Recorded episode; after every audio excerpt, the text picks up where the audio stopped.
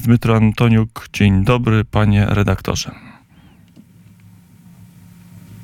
Halo. Halo? Jest, słyszymy się. Dzień dobry, dzień dobry. No to chyba rzeczywiście jest dzień dobry, przynajmniej tak to wyglądało w, w ostatnich dniach i godzinach, chociażby wizyta prezydenta Zeleńskiego w Chersoniu, trochę niespodziewana, ale bardzo emocjonalna, bardzo radosna, jak, jak Kijów cały czas żyje tym, że Chersoń znowu jest pod kontrolą Ukrainy. No, w, tak, w 100% radosno e, to wygląda i e, świę, świętujemy, można tak powiedzieć. I tak to, to, tak to jest też na ulicach Hersonia, ale mm, no było też nieprzyjemnie, kiedy na przykład naszym kolegom z e, redakcji CNN-u i e, innych redakcji zabrano e, akredytację za to, że oni przyjechali tam i, i robili swoją pracę, a za to u nich zabrano akredytację, że po prostu przyjechali i, i, niby bez pozwolenia to robili. No a akredytacja od Ministerstwa Obrony Ukrainy to jest pozwolenie moim zdaniem. No i teraz jest już skandal e, związany z biurem prezydenta, żeby tą akredytację w, w oddać naszym, e, naszym kolegom i nie tylko z redakcji CNN-u, a i z redakcji Ukraińskiej Prawdy i tak dalej, i tak dalej. Także mm, jest trochę troszkę nieprzyjemnie, ale mm, mam nadzieję, że, że ten skandal mm, e, będzie rozwiązany. Rzeczywiście do samego Hersonia trudno dziennikarzom wjechać. Było takie, mm, tak, takie, takie kilka godzin, kiedy no, chociażby korespondent telewizji Polsat News wjechał do Hersonia, potem musiał z niego wyjechać, ale no, po tych kilku godzinach, kiedy dziennikarze mogli tam być, re relacjonować wydarzenia, mm, to zostało uniemożliwione. To mamy ten jeden skandal informacyjny, bardzo ważny zresztą, bo warto dla Ukrainy pokazywać, że to jest jednak walka demokracji, która szanuje prawa z dyktaturą, która tych praw nie szanuje. I stąd ten skandal z dziennikarzami może być tak groźny dla strony ukraińskiej. A, a militarnie, jak to wygląda?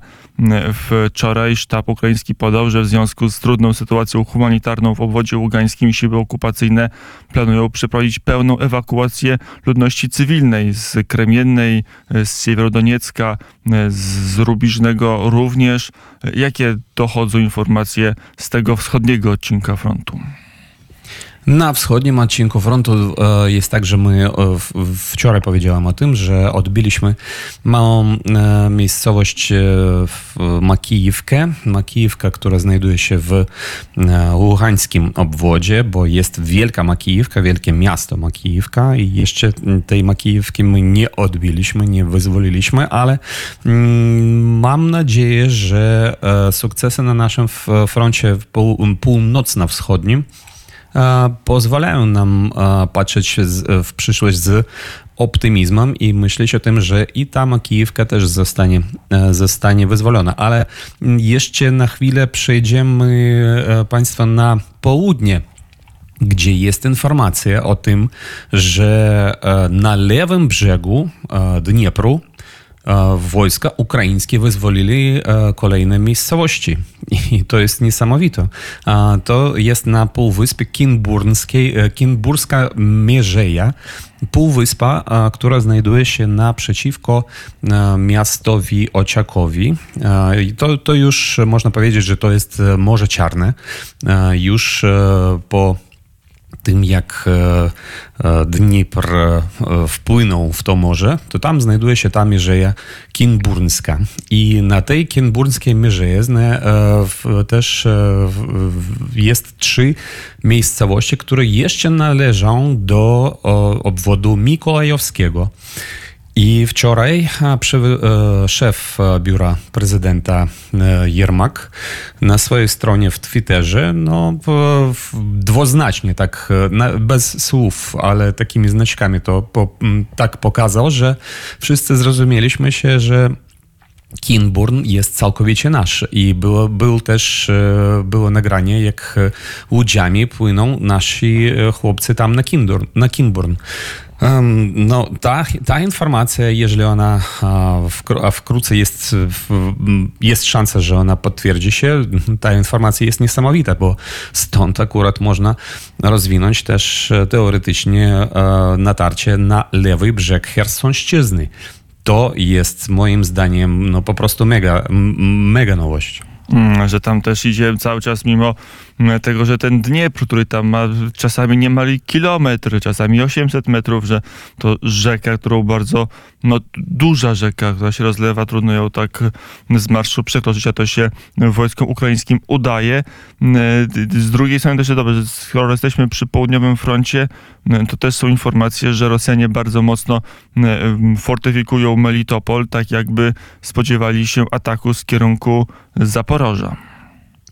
Dokładnie tak, bo to jest logicznie i logicznie jest to, że e, ta e, potęga, która była na prawym brzegu w obwodzie hersońskim, to ona była po prostu przerzucona e, do innych części i zwłaszcza tam do Melitopola, do też pod e, Mariupol i teraz e, być może pomaga też e, w natarciu na Wuhledar, e, bo tam trwają bez końca walki i bez, jest, są walki uliczne w miejscowości Pawliwka, która znajduje się, to, to jest ostatnia miejscowość przed Wuhledarem, a Wuhledar dla Rosjan jest, jest bardzo ważny z tego powodu, że on znajduje się blisko od jedynej kolei, która, którą oni zaopatrują swoje wojska e, w mm, Chersonszczyźnie, w Melitopolu też i w Mariupolu. Także e, oni próbują wziąć ten Wuhledar, ale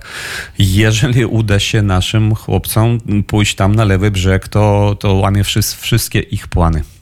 Mm, To wróćmy na ten front wschodni, bo tam Rosja zdaje się szuka jakichś sukcesów, idzie na Bachmut między innymi. Z jednej strony wycofuje ludność cywilną z części miast przy obwodu ługańskiego mm, i donieckiego, z drugiej strony tam próbuje jakichś sukcesów. Na ile sytuacja dookoła Bachmutu jest niebezpieczna, na ile e, jest możliwość, że, e, że Bachmut będzie otoczony? E, Możliwość taka jest, e, trzeba powiedzieć szczerze, bo teraz e, walki idą już na obrzeżach tego miasta, podzielonego niewielką rzeczką i na lewym brzegu tej rzeki już jest wróg i tam toczą się walki. Tylko większa, większa część Bachmuta jest za rzeką na prawym brzegu i to jest absolutnie pod kontrolą wojsk ukraińskich, ale wróg pró- próbuje wziąć to miasto w, mm, w kleszczy z e, północy i z południa. I tam akurat e, toczą się najbardziej zacięte walki, tylko naszemu wojskowi już mm, no, kilka miesięcy udaje się tam mm, no, e, powstrzymywać te ataki, ale w, bardzo wielkim kosztem, e, kosztem żyć i zdrowia naszych, e, naszych żołnierzy. Ale ja mam też nadzieję na to, że wojska ukraińskie, które teraz e, byli na prawym brzegu Chersonszczyzny, teraz zostaną też przerzuceni też e, być może tam na, e, na Bachmut, na inne części Donbasu, być może też na Siewerszczyznę, czyli e, na e, front w obwodzie Ługańskim i Charkowskim i tam pomogą e, naszym albo odbić te ataki wroga, albo, albo pójść je- jeszcze dalej. Mm, e, to w takim wypadku, mm, skoro sytuację militarną mniej więcej mamy opisaną, to jeszcze to pytanie dotyczące, a nie, jeszcze militarnie jedna informacja, która wczoraj się pojawiła w polskich mediach, nie wiem czy też jest odnotowana mm, na Ukrainie i czy e, bardzo. Też ukraiński sztab podał, że na Białorusi ogłoszono przetarg na wydrukowanie 50 tysięcy kart mobilizacyjnych tak jakby jednak e, siły białoruskie, może i nie mrawo, ale jakieś, e, jakieś działania w kierunku ewentualnego włączenia się do wojny wykonywały.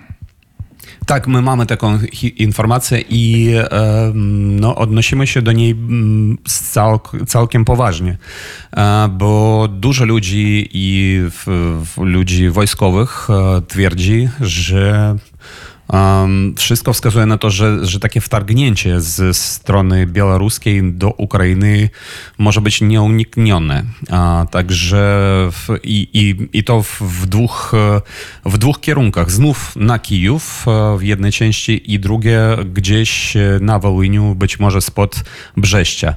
Także w, e, i dlatego na przykład dzisiaj w, w Kijowie ogłoszono manewry i, i na ulicach można zobaczyć cię, ciężki sprzęt e, na ulicach naszego miasta. Także my jesteśmy gotowi do takich e, też scenariuszy. Oczywiście bardzo ciężkich dla nas, bo to znów e, my będziemy w takim razie zmuszeni trzymać na jeszcze na północno-zachodnim teraz końcu naszej, naszego kraju dużo wojska.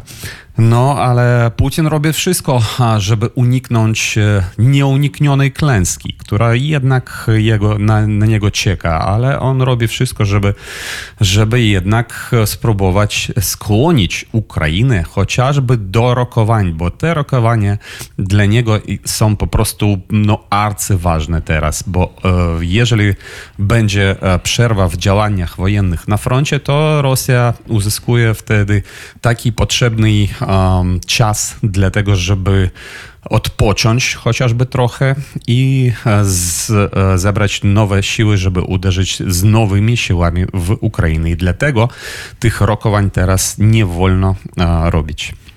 I to tym też powiemy dzisiaj w poranku wnet, ale to już w innej rozmowie stawiamy kropkę w rozmowie z Dmitrem Antoniukiem. Słyszymy się jutro też o godzinie 7.10, ale to już zapraszam w imieniu Magdy Magdaleny Uchaniuk, a tymczasem redaktorze do usłyszenia, do zobaczenia. Dziękuję ślicznie. Do zobaczenia, do usłyszenia.